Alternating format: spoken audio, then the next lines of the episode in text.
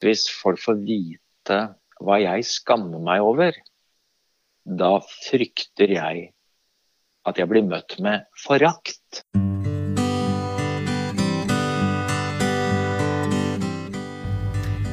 Hei, velkommen til enda en ny episode av Selvmordspodden.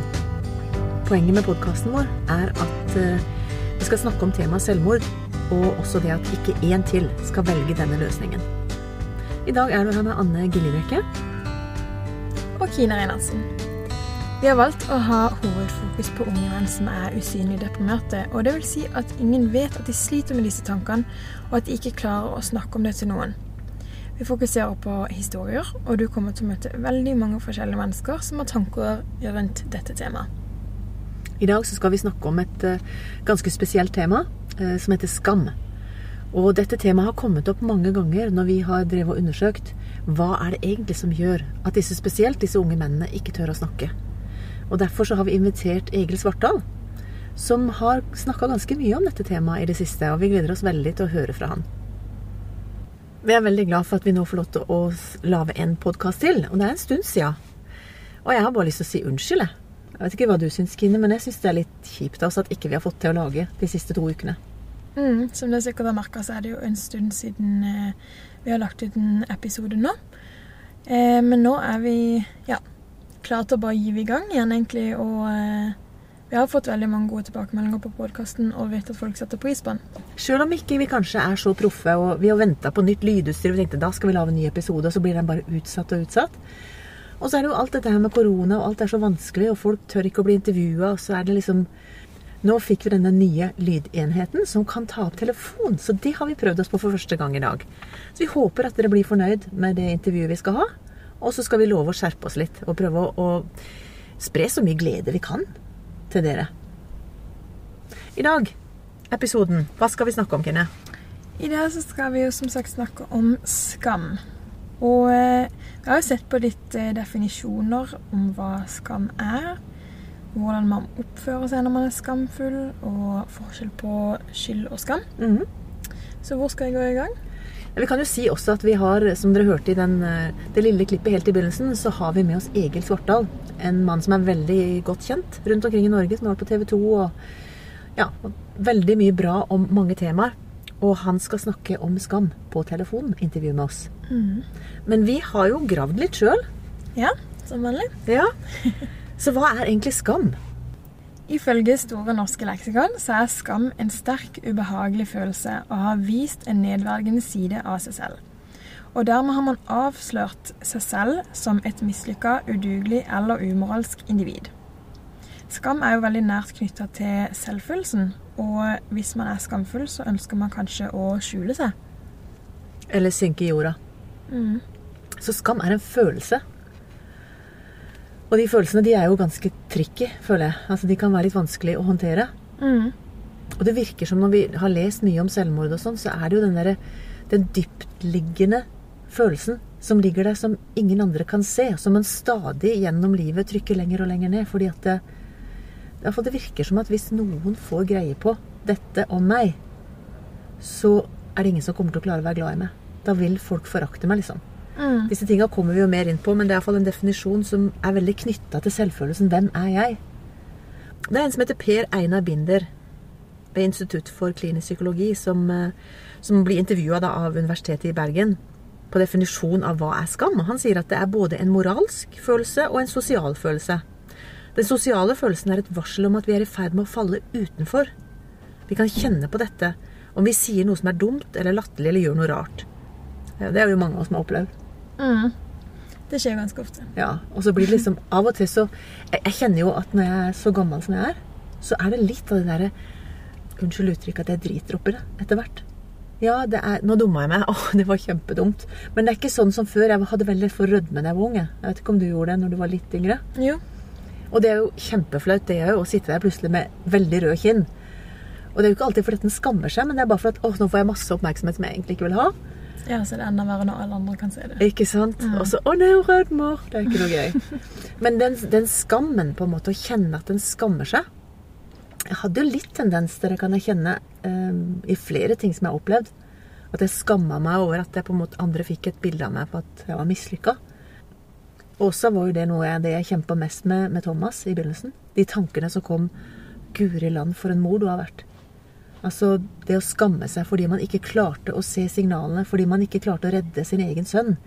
Og fordi man har vært en dårlig mor. og fordi at, altså, Alt det greiene der, det handler jo om skam og om Mm. selvbildet mitt, liksom. Ja, absolutt.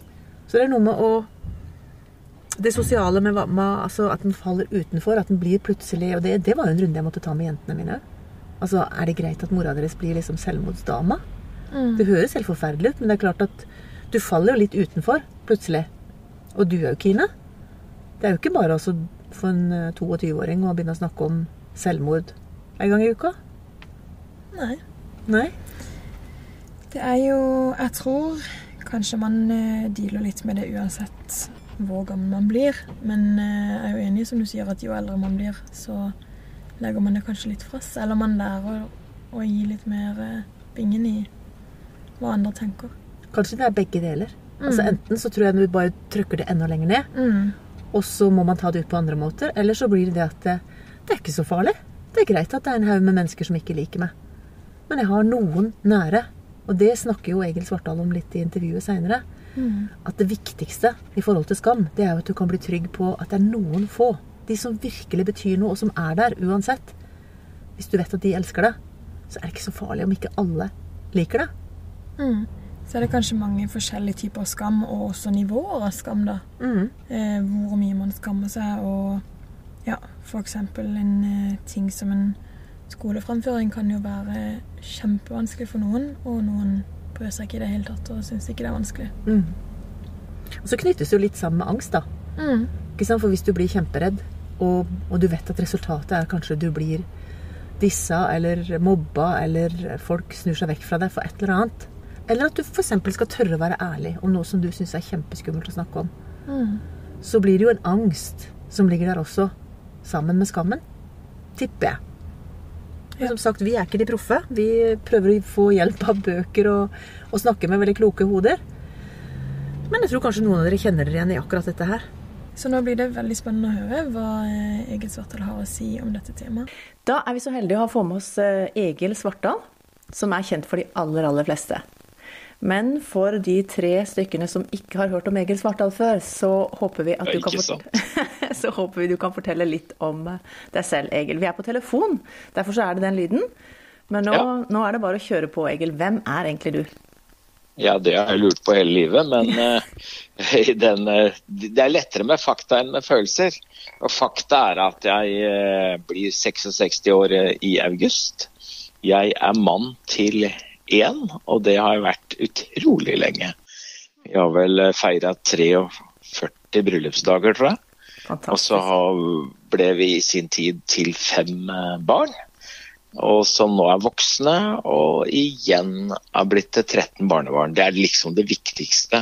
Men det jeg har jobba med, Mm. er jo at jeg har vært pastor nesten hele livet fra jeg var veldig ung, fra jeg var ca. 20. Og så har jeg etter hvert vært, eh, blitt programleder i mange år på TV 2. Så det er pastor og programleder og predikant, hvor jeg reiser rundt både og har foredrag i ulike sammenhenger, men at jeg også reiser veldig mye i kirkelige sammenhenger og er predikant eh, både helger og temakvelder. Du er litt sånn Så utradisjonell, sånn som jeg har lært deg å kjenne i hvert fall. Du er ikke liksom den som pakker inn ting eller gjør det veldig sånn, skal kalle det åndelig. Eller at det er kun folk som er veldig religiøse som klarer å følge det.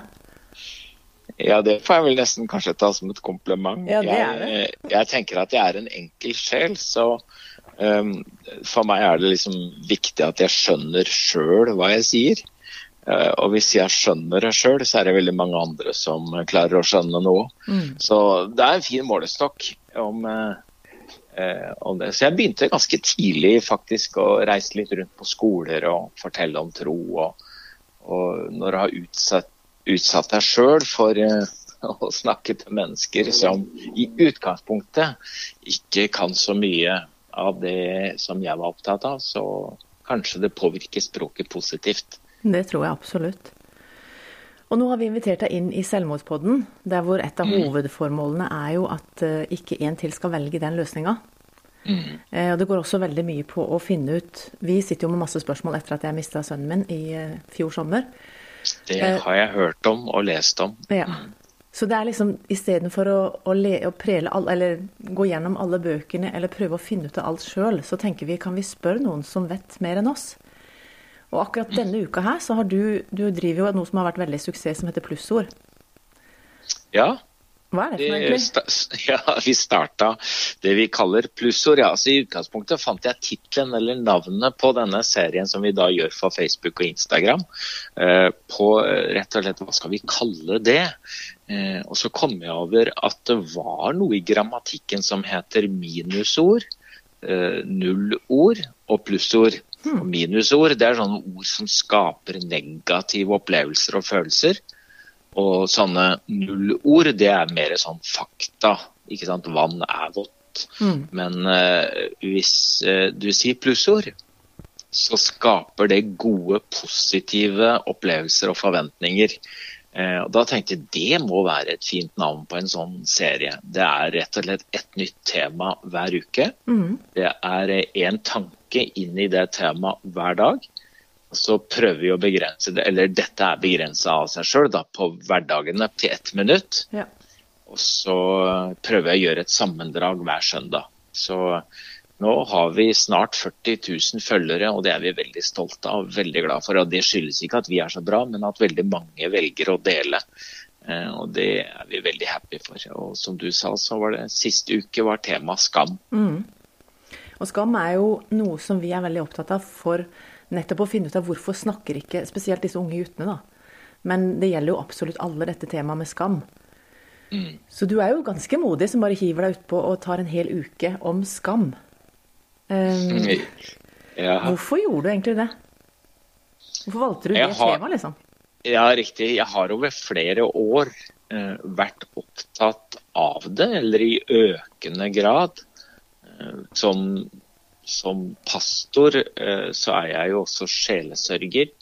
Eh, og jeg vil også gjerne være sjelesørger på talerstolen og snakke om noe som er livsnært, noe som er gjenkjennelig. At mm. ikke alt bare handler om den gang da eller et helt annet sted, men det livet vi lever. Og liksom naturlig som pastor at man er opptatt av skyld, øh, sår, men jeg har følelsen av at det har ligget noe, lav, noe dypere som jeg ikke helt har fått tak i.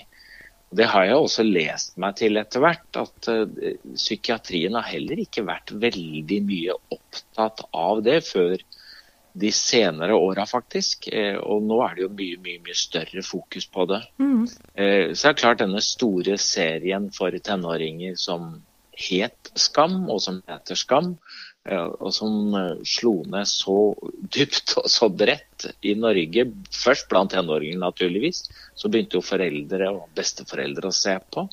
Som ga oss et slags innsyn. Eh, og så lurer man jo på hvorfor skal en hel serie programmer for unge kalles Skam. Det var de unge som var på audition som fikk lov å være med og bestemme hva serien skulle hete. Og det, var det var de, unge sjøl som valgte dette? Ja. Serien om deres liv skulle hete Skam. Jeg har jo opplevd at hele den serien altså Det er mange gode og flotte øyeblikk og mye vondt og sårt, men eh, sånn i dypet av den serien så opplever jeg at det ligger et slags rop om med et stort spørsmål finnes det en betingelsesløs kjærlighet? Er det noen som elsker meg for den jeg er? Mm. Eh, og finnes denne betingelsesløse kjærligheten i stabile relasjoner? Finnes det stabile relasjoner, noen jeg kan stole på mm. og regne med? Eh, og det berørte meg veldig dypt. Eh, så jeg begynte å lese mer om skam og vært opptatt av det. Og prøvd å dele noe av det jeg både har erfart i sjelesorg, men også noe av det jeg har tilegna meg kunnskap.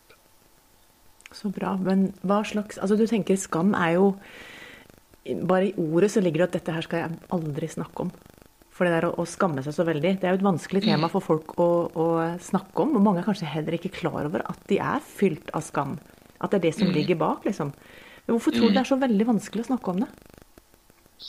Det ligger jo litt i sakens natur. På en måte så er det en eh, skille litt mellom den gode skammen, eh, som er helt nødvendig. Og noen syns jo at vi skammer oss altfor lite. At vi, vi, vi er skamløse. Så, så, vi trenger den gode skammen. Mm. Den gode skammen, den er beskyttende. Den hjelper oss å sette grenser, sånn at vi ikke skamferer andre. Men det handler også om å sette grenser for oss sjøl, som gjør at vi ikke pådrar oss skam som vi eh, blir skada av.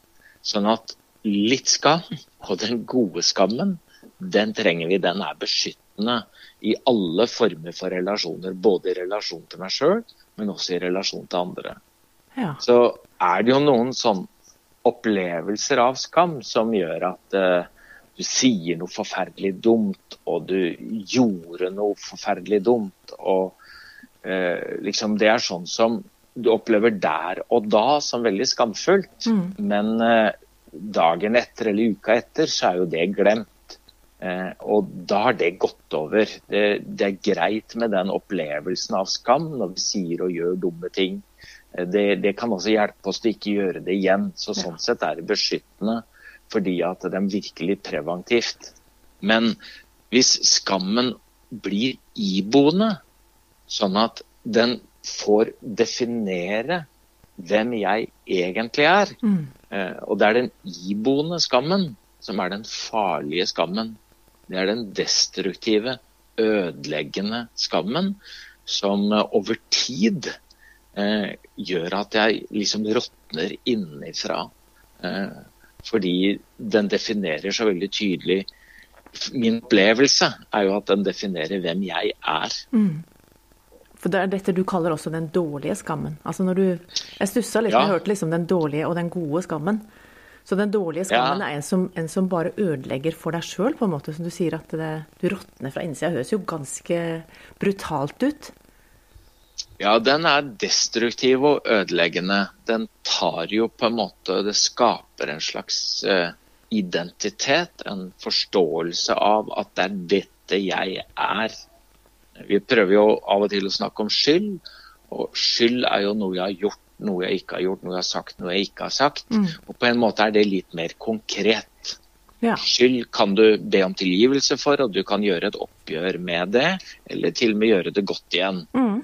Så skyld er på mange måter mer håndterlig og håndterbart. Men skam, det er så definerende eh, opplevelsen av at det er dette jeg er.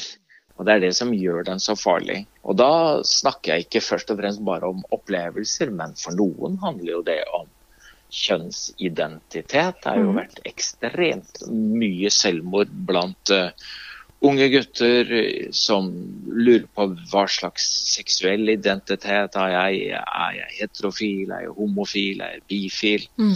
Uh, knytter seg til legning, men det knytter seg også til seksuelle preferanser hva slags tanker jeg har, hva slags lyst jeg bærer på. Eh, og så har du alt dette skjulte som går på at tenk hvis folk får vite mm. at jeg er spillavhengig.